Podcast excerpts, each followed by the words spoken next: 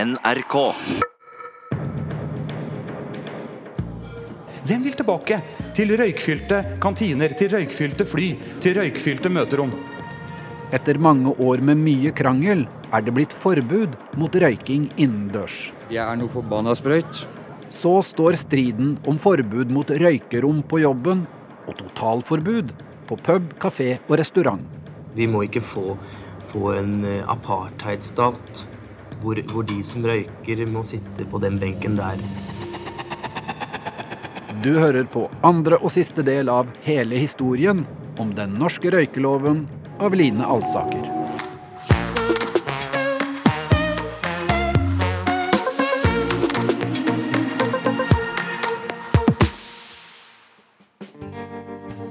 Fra 1988 er det ikke lenger tillatt å røyke i fellesarealer eller steder der det oppholder seg flere personer om gangen. Men det er fortsatt tillatt med egne røykerom så lenge det varer. For røykemotstanderne har fått blod på tann. Carl Ditlef Jacobsen, lege ved sentralsykehuset i Lørenskog, nå Ahus, har kjempet i nesten 20 år for å få arbeidsplassen røykfri, samtidig som de fleste i Norge rister på hodet over hans metode for å få det til. Jacobsen kjører full konfrontasjon, og oppsøker gjerne røykerne inne på røykerommet når de har pause. Hvis du tok denne luften, alle disse giftstoffene som er i den luften i dette rommet nå, og tilsatte drikkevannet, så ville du aldri ha drukket det vannet. Nei, men du, du snakker hele tida om at vi må ta hensyn til våre medmennesker. Ja. Hvem skal ta hensyn til oss, da? Er ikke vi medmennesker, vi òg? Vi som røyker? Hvem, ta, hvem, hvem, er det som skal passe på at vi får våre behov stilt? da? Ingen har sagt det er noen forbrytelse.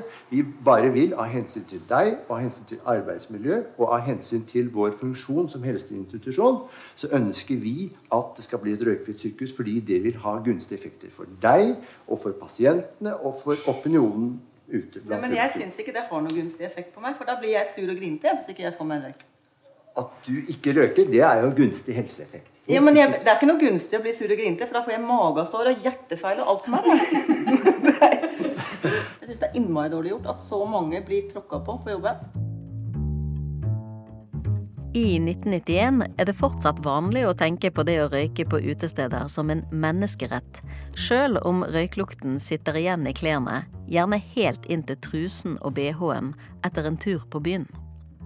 Mange mener òg at noe av det beste med en arbeidsplass er å sitte og ha pause inne på røykerommene, for det er der de gode ideene og morsomme menneskene holder til. Men Røykerne kan ikke føle seg trygge inne i røykerommene særlig lenge. I 1991 vil Sosialdepartementet gjøre alle sykehus røykfrie. Nei, jeg syns rett og slett at det er latterlig. Hvorfor det? Nei, det er jo å drive formynderi overfor eh, mennesker. Man har rett til å røyke. Man må kunne bruke den retten. Altså. Fortsatt er det altså lov å ta seg en blås på de fleste sykehus på de fleste avdelinger. Antirøykelegen Carl Ditlef Jacobsen husker fortsatt de hissige diskusjonene om røyking på sykehuset ved starten av 1990-tallet. På den tiden er han en svært upopulær mann, særlig blant de som jobber i administrasjonen. Pussig nok så er det kvinnene eller kontorpersonalet på sykehuset som var mine verste motstandere, og som ikke, ikke samlet tropp ned i kantinen og, og, begynte å røyke på kantinebordet. Det var ulovlig, da. De gjorde sånn trass. Det, var, det, var, det var, vakte jo stor munterhet, da. Det, det var den effekten det fikk. Det er omtrent som å stå og snakke til ungdommen at nå måtte de kjøre forsiktig i trafikken, og de måtte stoppe på rødt lys og sånn. Det er like selvfølgelig, vet du. Alle skjønner at det er riktig å stoppe på rødt lys, så det gjør de jo da. Men så er det noen som kjører over likevel, fordi det ikke er sekt noen andre biler og sånn. Mange ansatte ved sykehuset klager på det de kaller overformynderi fra Carl Ditlef Jacobsens side. Men Jacobsen mener at han har flesteparten av de ansatte med seg. I en TV-debatt sier han at over 70% av de ansatte er enig med han. Antenne 10 1991. Vet du, Jeg beundrer den der selvtilliten som du har, altså. Og fly rundt i ganga her og jakte på røykende kjerringer. Altså, det må Nei, jo være gjort. Forferdelig spennende. Jo, det gjør du. Nei, det Jo. er bare tull. Nei. Ja, Er det riktig Karl Ditlev Jacobsen, at du jakter på røykende kvinnfolk? Nei, det er bare pølsevev. Altså, jeg tok initiativet til dette med røykfritt sykehus i 80-årene. Og, eh, og det ble jo veldig fint fulgt opp av administrasjonen og Arbeidsmiljøutvalget. Det har vært oppe flere ganger i Arbeidsmiljøutvalget. ja, ja, men der- Jakter du på Nei de da, på sykehus? aldri. Jeg med blitt Jo, beskyldt det gjør du, Jacobsen. Jo, det gjør du. Jeg, jeg har ingen myndighet på dette sykehuset. Husker du da du kom inn på kontoret til oss? Hvem i Ja, og så sa du noe som ikke jeg tar i min munn. Er det som har vært og røyka på damedoen? Husker du det? Flyr du på fått Ja, hva har du på damedoen å gjøre, Jeg har ikke vært Jeg har fått klage. Jeg fikk klage. Jeg- Det er meg som får alle Vi var inne på kontoret ved siden av og spurte om den hadde klage, og det hadde den ikke gjort. Humorist og forfatter Per Inge Torkelsen er en av Norges mest kjente røykere, og er stadig mer oppgitt over at mulighetene for å røyke blir færre og færre. Torkelsen blir for mange symbolet på en folkelig motstand mot myndigheter og moralister. Det er jo tøft. En sigarett er ganske vakker. Og det å tenne fyr på en sigarett det er litt show. Det å sitte og vifte med den sigaretten. Og så er det jo en fin måte å prøve å få kontakt med folk på å holde fyr. Kan få en sigarett av deg. Altså, det er lettere det enn å si du Å jøss, så fin kjole du har. Og så pen du var.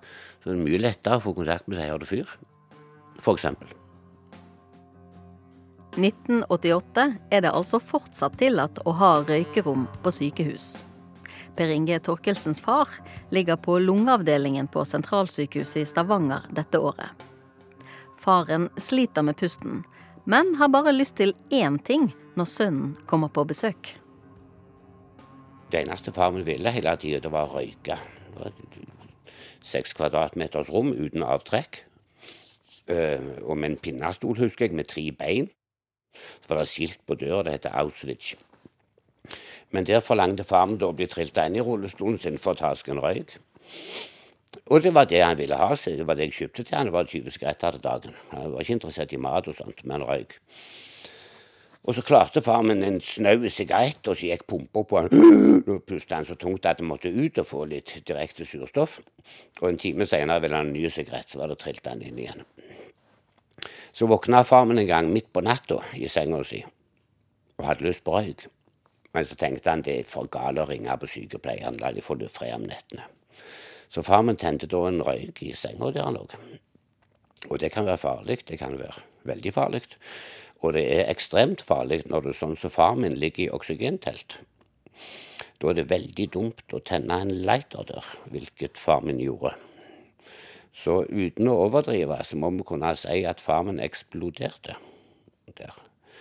Han døde ikke, han levde noen uker til, men jeg besøkte han dagen etterpå, og da så sa han Det var tøft òg, sa han til meg. Først kom det lange flammer ut av nesen og kjeften min. Men så gikk flammene langs gummislangene, og det var litt nifst.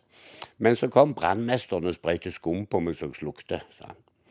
Far min var helt svartsvidd rundt nesen, og kjeften de siste tre ukene han levde, så ut som et godt brukt askebeger.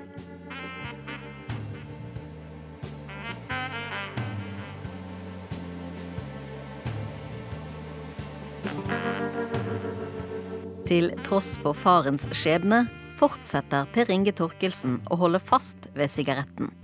Men problemene bare øker.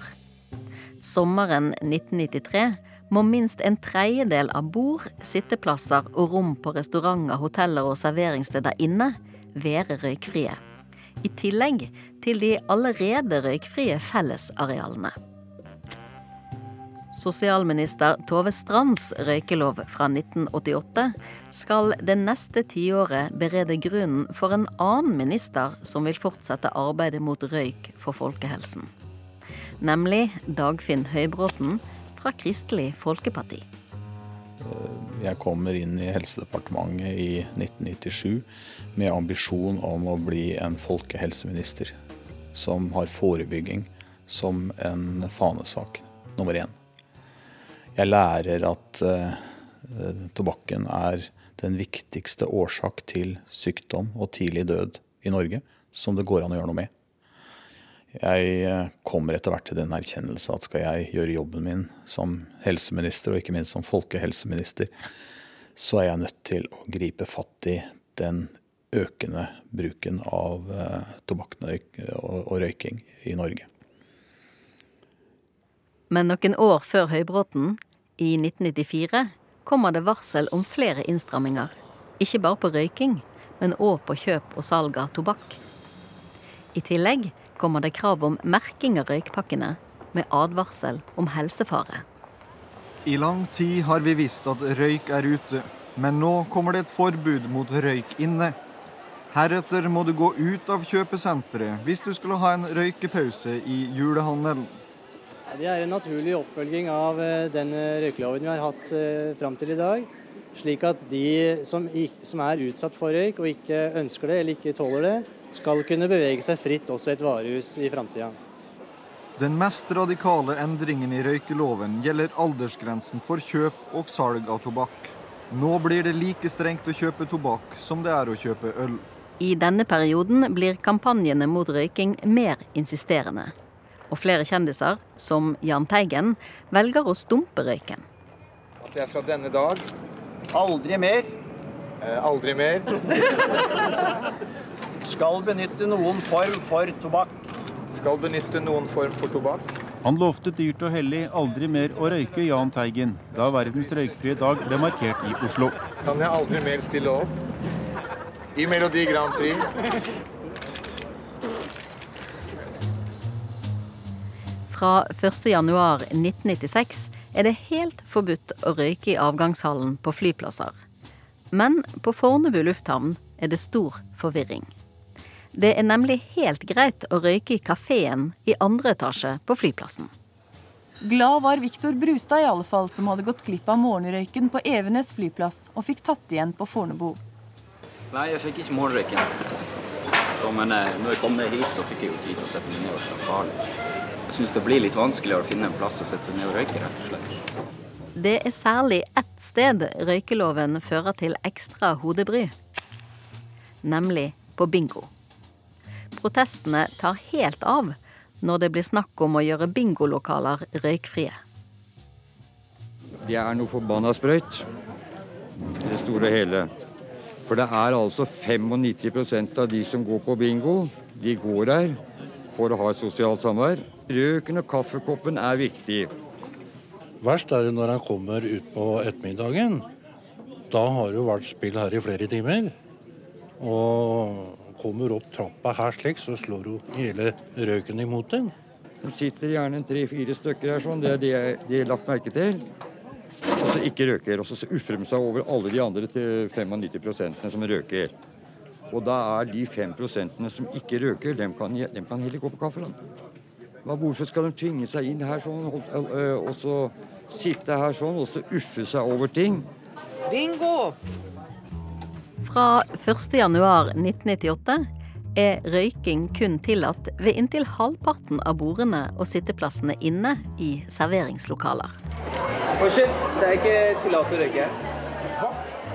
Det var mange kafégjester som glemte eller rett og slett ikke visste at den nye røykeloven har trådt i kraft i dag. Det er færre som røyker i dag enn for tolv år siden, da røykeloven trådte i kraft. Stedene hvor du fremdeles kan røyke i dag, er også færre. Men nå ønsker Statens tobakksråd fullstendig røykeforbud på alle serveringssteder. Og vi vet at på eh, barer og på diskoteker og dansesteder er forholdene desidert verst januar 2002 blir helseminister Dagfinn Høybråten oppringt av en journalist i Aftenposten. Journalisten lurer på hva helseministeren har tenkt å gjøre med de økende røyketallene blant barn og unge. Jeg svarer eh, det må reduseres. Og han spør hvor mye, og jeg sier betydelig. Ja, han spør hvor mye er betydelig. Og jeg sier eh, vi må kunne halvere ungdomsrøykinga i Norge. Ja, hvor fort da, spør journalisten. Han gjør jobben sin nidkjær som få. Og jeg svarer eh, i løpet av noen år. Ja, hvor mange år da, statsråd? Eh, fem år, sier jeg. Neste dag er det oppslag i Aftenposten over fem spalter. Helseministeren lover halvering av ungdomsrøykinga på fem år. Og så ringer Bjørn Inge Larsen, som da var helsedirektør, og spør statsråd, vil du vite hva dette innebærer? Og her eh, blir jeg bare nødt til å si til Bjørn Inge Larsen ja takk, jeg vil gjerne ha en rapport om det. Dagfinn Høybråten får rapporten noen måneder seinere. Der er anbefalingene å sette opp prisen på røyk, strengere alderskontroll ved salg og bedre tilbud om røykeslutt. Men mest dramatisk er anbefalingen om å vedta en konsekvent røykelov. En lov som forbyr røyking på alle utesteder, restauranter, barer og diskoteker. Det var jo en eh, debatt i gang om eh, den røykeloven vi hadde, burde utvides til også å gjelde hoteller, restauranter og barer og diskoteker som var unntatt fra eh, det generelle forbudet mot røyking på offentlig sted. Det viser seg at eierne av hoteller og restauranter er imot et røykeforbud, mens de ansatte som var imot et forbud i 1988, nå er for. Og denne gangen har de ansatte fått med seg LO-lederen på et krav om totalforbud. Mange som arbeider i nettopp denne bransjen, dør av sykdommer som henger sammen med røyking. 15 år etter at LO fikk forhindret sosialminister Tove Strand i å gjennomføre totalforbudet mot røyk, så kommer de nå for å snakke med helseminister Dagfinn Høybråten. Og de kom på mitt kontor og de stilte meg det retoriske spørsmålet som jeg satt igjen med etter det møtet. Helseminister, kan du gi oss én god grunn til at vi skal være den eneste yrkesgruppen i Norge som ikke har rett til et røykfritt arbeidsmiljø? I 2003 starter Helsedirektoratet en kampanje for å få folk til å slutte å røyke. Hver eneste sigarett skader deg, og hver gang du kjøper en ny pakke, støtter du en industri som lever av å gjøre deg avhengig. Helt siden 60-tallet har tobakksgigantene visst at nikotin gjør deg avhengig, men de har holdt det hemmelig. Teorien sier jo at kampanje virker ikke, men uh, sterke virkemidler i kampanje, som billedbruk og sjokkerende fakta, kan ha en viss virkning. Og det som skjedde, var jo at uh, altså vi kjøpte inn kampanjemateriale og filmer fra Australia som hadde fungert bra der gjorde det om til norsk forhold, og fikk altså en oppmerksomhet på 96% Kampanjen går på TV, på kino og i andre medier, og består av flere filmer. Lungen er som en svamp. En av filmene viser lyse svamper formet som lunger. Skapt for å suge inn luft. Men etter hvert som røyk dras ned i lungene, begynner de å dryppe av tjære. Men noen lunger brukes til å suge inn tobakksrøyk. Mange reagerer sterkt på det de ser. Tenk deg at du røyker en 20-pakning om dagen i ett år. Omtrent så mye kreftfremkallende tjære vil lungene dine ha sugd inn da. Det er nok til å gjøre deg syk. Veldig syk. Dette ble debattsak. Dette fylte debattstudioene i ukevis.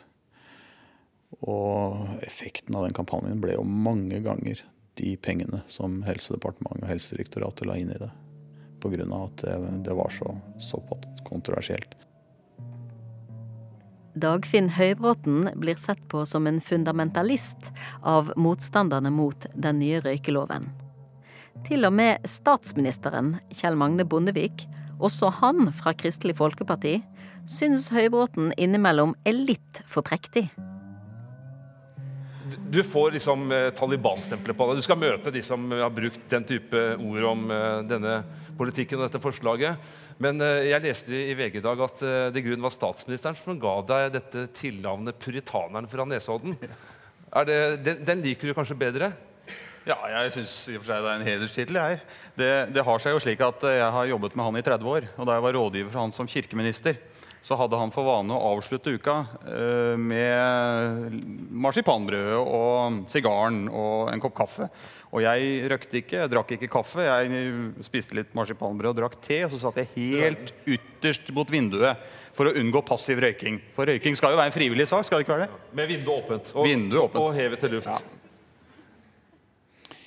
Ja. vi må huske på at vi, vi nå er på et tidspunkt hvor eh, halvparten av befolkningen egentlig syns det er en dårlig idé med et totalforbud.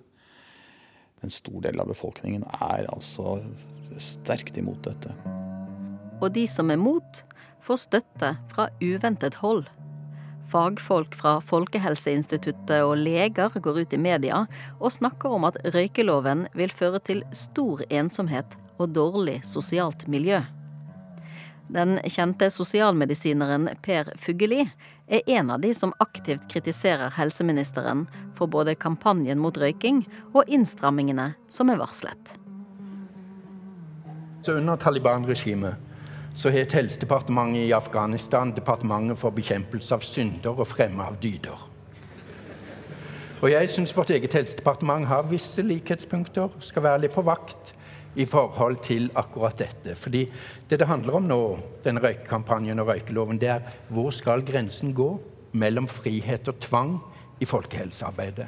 Og det essensielle spørsmålet er på en måte hvem eier helsen? Er det Kristelig Folkeparti? som eier menneskets helse? Nei.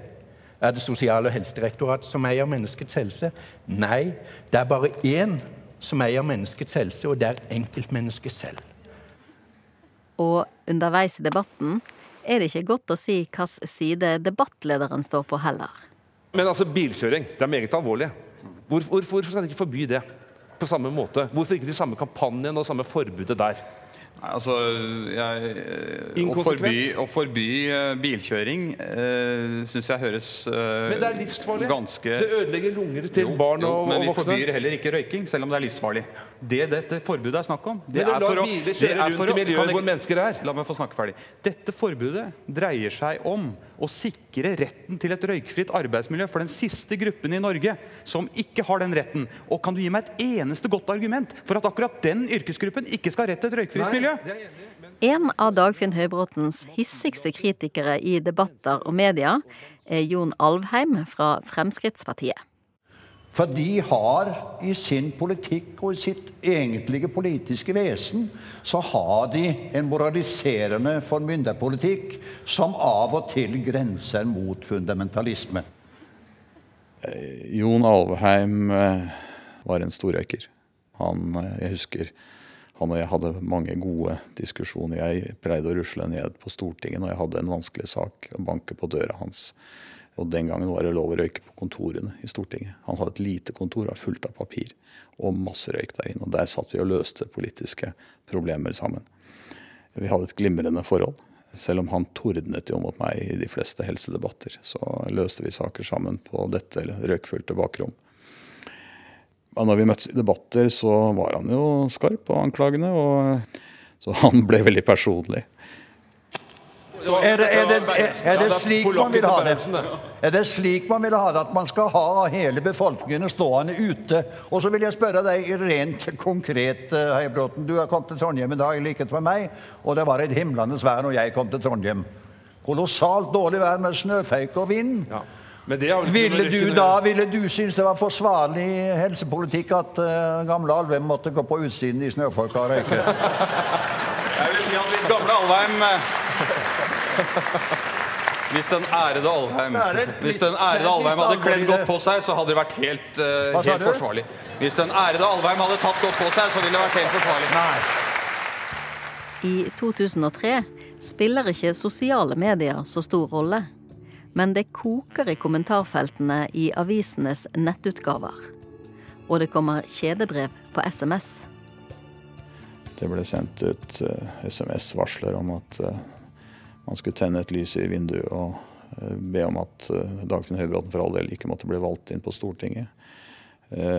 og det var skjellsord à la Osama bin Høybråten og mulla Dagfinn og i det hele tatt alle slags varianter av sterk uttrykk for eh, si, det formynderskapet som man mente lå i dette. Eh, jeg ble jo i denne perioden også valgt til leder av Kristelig Folkeparti. Som jeg ikke var da jeg begynte med denne saken. Eh, og det la nok en ekstra dimensjon på, på denne folkelige debatten. Altså man, her kommer eh, en prektig mørkemann og legger føringer på våre liv. Det skal vi ikke ha noe av. Helseminister Høybråten arbeider litt annerledes enn han pleier når han vil at røykeloven skal gå igjennom i Stortinget. Vanligvis så arbeider jeg slik at jeg forankrer i regjeringen og i Stortinget alt jeg skal legge fram på forhånd, sånn at jeg vet at det blir vedtatt. I denne saken gjorde jeg ikke det. For jeg var nokså sikker på at den ville bli skutt ned hvis jeg prøvde å få støtte på forhånd. Men det bygde seg opp en stadig høyere forventning om at dette ville komme. Eh, og eh, selv om mange var skeptiske rundt meg, både i departementets fagavdeling og i regjeringen og i partiet og i Stortinget, så skjønte stadig flere at denne saken kommer fordi helseministeren vil ha den fram. Røykeloven blir vedtatt. Friske epler ble delt ut til folk utenfor Stortinget i dag av helsearbeidere og idrettsfolk. De hadde grunn til å smile etter at røykeforbudet på puber, barer og restauranter ble vedtatt i dag. Men blant pubeierne i hovedstaden er ikke stemningen like god. Altså, Jeg har vel egentlig vanskelig for å se for meg at jeg skal lide martyrdøden for Dagfinn Høybråtens røykepolitikk. Dagfinn Høybråten har vunnet sin største politiske seier, men det er nå folk virkelig blir rasende. For uvirkelig nok kommer det til å bli forbudt å røyke inne på utesteder. Det er antagelig kun et spørsmål om tid. Hvordan skal det gå når du ikke lenger kan sitte inne og ta en røyk, samtidig som du drikker og koser deg? Hva kommer du til å gjøre hvis det blir for, forbudt å røyke på serveringssteder? Strek under ett eller flere svar. Det er veldig vanskelig. Det er veldig vanskelig, det, du. Som jeg, som jeg skrev på min så skrev jeg det. Slutt å røyke, skal jeg sette. Nei da. Det som jeg skrev på min, det var at jeg ville gå mindre ut, mer på besøk. Og så gi faen i hele røykeloven. Da setter, strek der, da.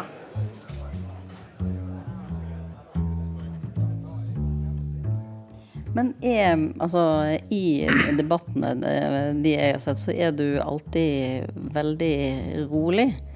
Eh, På hvilken måte tror du det er irriterende for folk å se på? Jeg forsto jo ikke det der at det var irriterende, men jeg leste en kommentar i Dagbladet under denne striden, og, og han påpekte at eh, det at jeg mø- møtte enhver kritikk med en stålkantet ro, det var det mest irriterende. Jeg kan jo si at inni meg så har jeg mange ganger vært både urolig og, og, og syns det har vært ubehagelig. Så den roen som, som man ser stråler ut i en debatt, det behøver ikke nødvendigvis være et uttrykk for det som rører seg på innsiden. For det begynner å bli alvorlig. En ettermiddag i februar 2004 kommer det en SMS til Dagbladets redaksjon. Der står det. Kommer til å drepe både Bondevik og Høybråten. Snakk om patetiske, kyniske, selvgode kristenfigurer. Så falskt og glatt. Oppi alt dette dør jeg. Meldingen kommer to ganger, med få sekunders mellomrom. Dagbladet melder fra til politiet, som varsler statsministerens kontor om drapstruslene mot statsminister Kjell Magne Bondevik og helseminister Dagfinn Høybråten. Høybråten har akkurat kommet hjem etter å ha vært på jobb i 14 timer. Synker ned i godstolen hjemme i stua, så ringer det fra statsministerens kontor. Høybråten, det er kommet en drapstrussel mot deg. Du vil bli satt under 24 timers politibevoktning. Og så fikk jeg en nærmere orientering om de praktiske eh, konsekvensene av det, og hvordan jeg skulle forholde meg. Og det var jo sånn at I løpet av det minuttet så endret jo livet seg eh, fullstendig.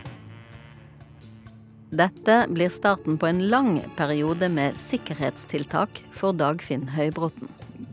Man føler i en sånn situasjon at eh, eh, det å utøve sitt eh, politiske verv, sitt ombud på vegne av folket, det, det har sin pris. Og jeg syns nok den kvelden at prisen var vel høy. Helseminister Høybråten kan ikke bevege seg fritt uten vakthold dersom han skal gå hjemmefra. Han og familien blir passet på 24 timer i døgnet. Og politiet må være med på ferie. Min yngste sønn syntes det var veldig kult å dra på vinterferie med politieskorte. Og jeg syns også det var liksom ålreit å stå slalåm i Hafjell med, med, to politifolk eh, bak meg.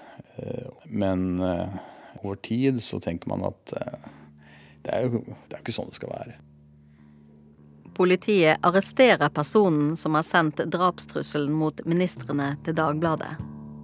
Det er en mann i midten av 40-årene. Han ble dømt til 90 dagers fengsel.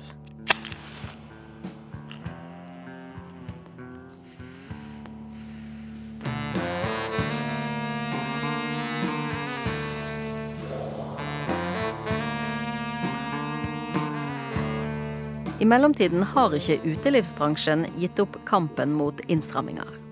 I Bergen trues ansatte på en kafé med permitteringer, og røykeloven får skylden. Røykfritt, men folketomt. Det er skrekkscenarioet for utelivsbransjen når røykelova trer i kraft 1.6. Ved restauranthuset Riks i Bergen forbereder de seg allerede på sviktende omsetning. En av de tingene vi vil gjøre, er jo å sende ut permitteringsvarsel til eh, alle de ansatte.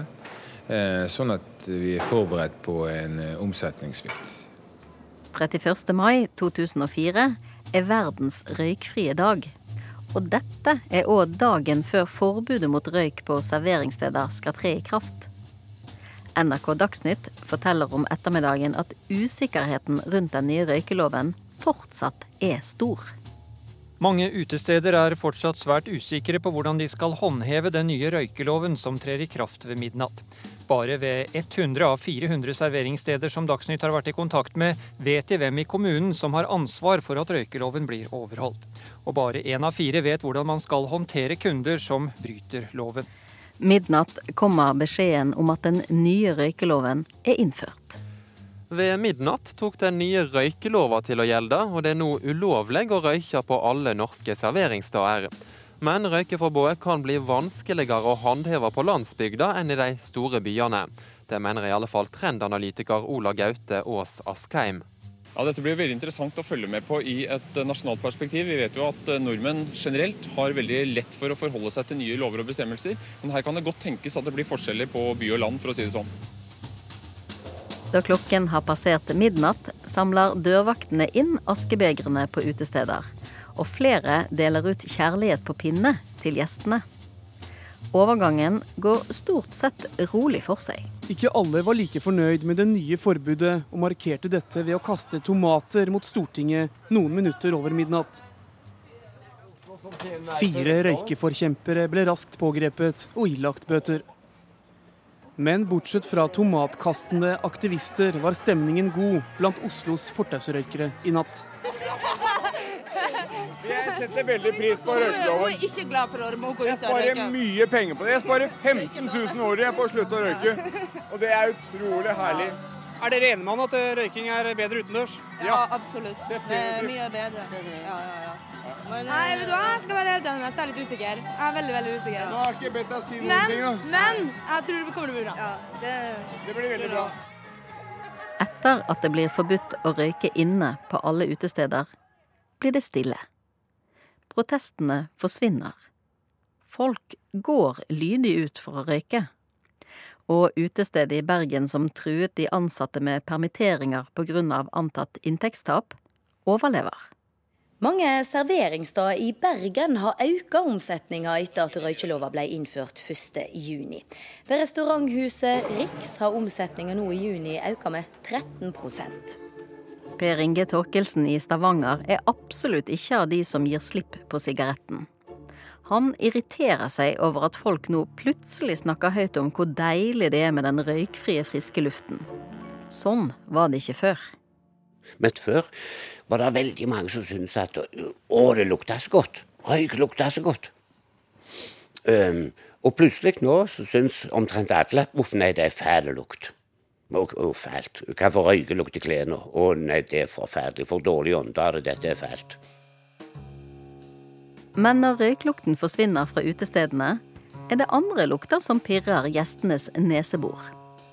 Røyklukten demper nemlig ikke lenger kombinasjonen av svette, ølsøl og andre uheldige odører. Folk som er mye på byen i 2004, lager vitser om den lukten de mener er den aller mest plagsomme. Når man fjerner en så dominerende lukt som eh, røyk på, på utesteder, Hva er igjen da? da er det fis igjen. Ja. Da, da kommer fisen eh, fram, og ikke alltid eh, vet du hvem som eh, fiser, fordi alle gjør det. Og det er så mye fis på utesteder at jeg tror at det kommer til å komme en ny lov nå, som er en fiselov. Ja. Sånn at de som ikke fiser, må kunne, kunne gå gjennom et utested uten å få fis på seg. Ja, det er helt enig. Fra 2014 er det ikke lenger lov å ha røykerom på arbeidsplasser, og barnehager og skoler skal være røykfrie. Og ved alle inngangspartier ved offentlige institusjoner er det forbudt å ta seg en blås. Per Inge Torkelsen merker presset fra omgivelsene. Da går barnehager og skoler forbi av og til. Og det hender jeg står ute og røyker hvis det er noenlunde fint vær.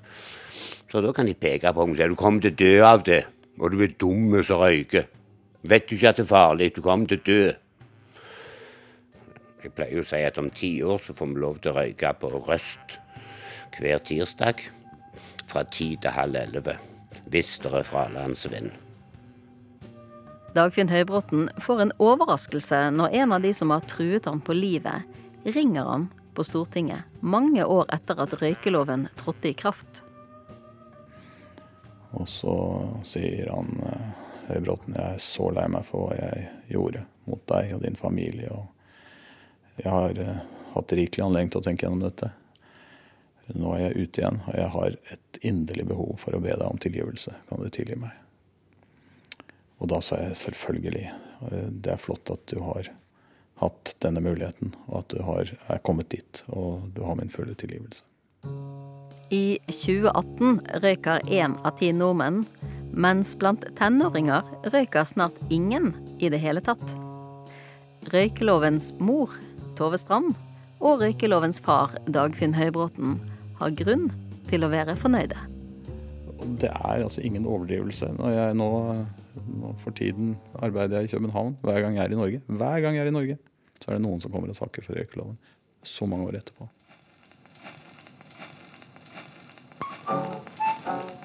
Vi skilles hvis ikke jeg slipper den stanken. sa kona til mannen, som bleknet ved tanken. Men så kom det Petterøes blanding i pipa. Og reddet var mannen fra skilsmisseknipa. Ah, det var god tobakk.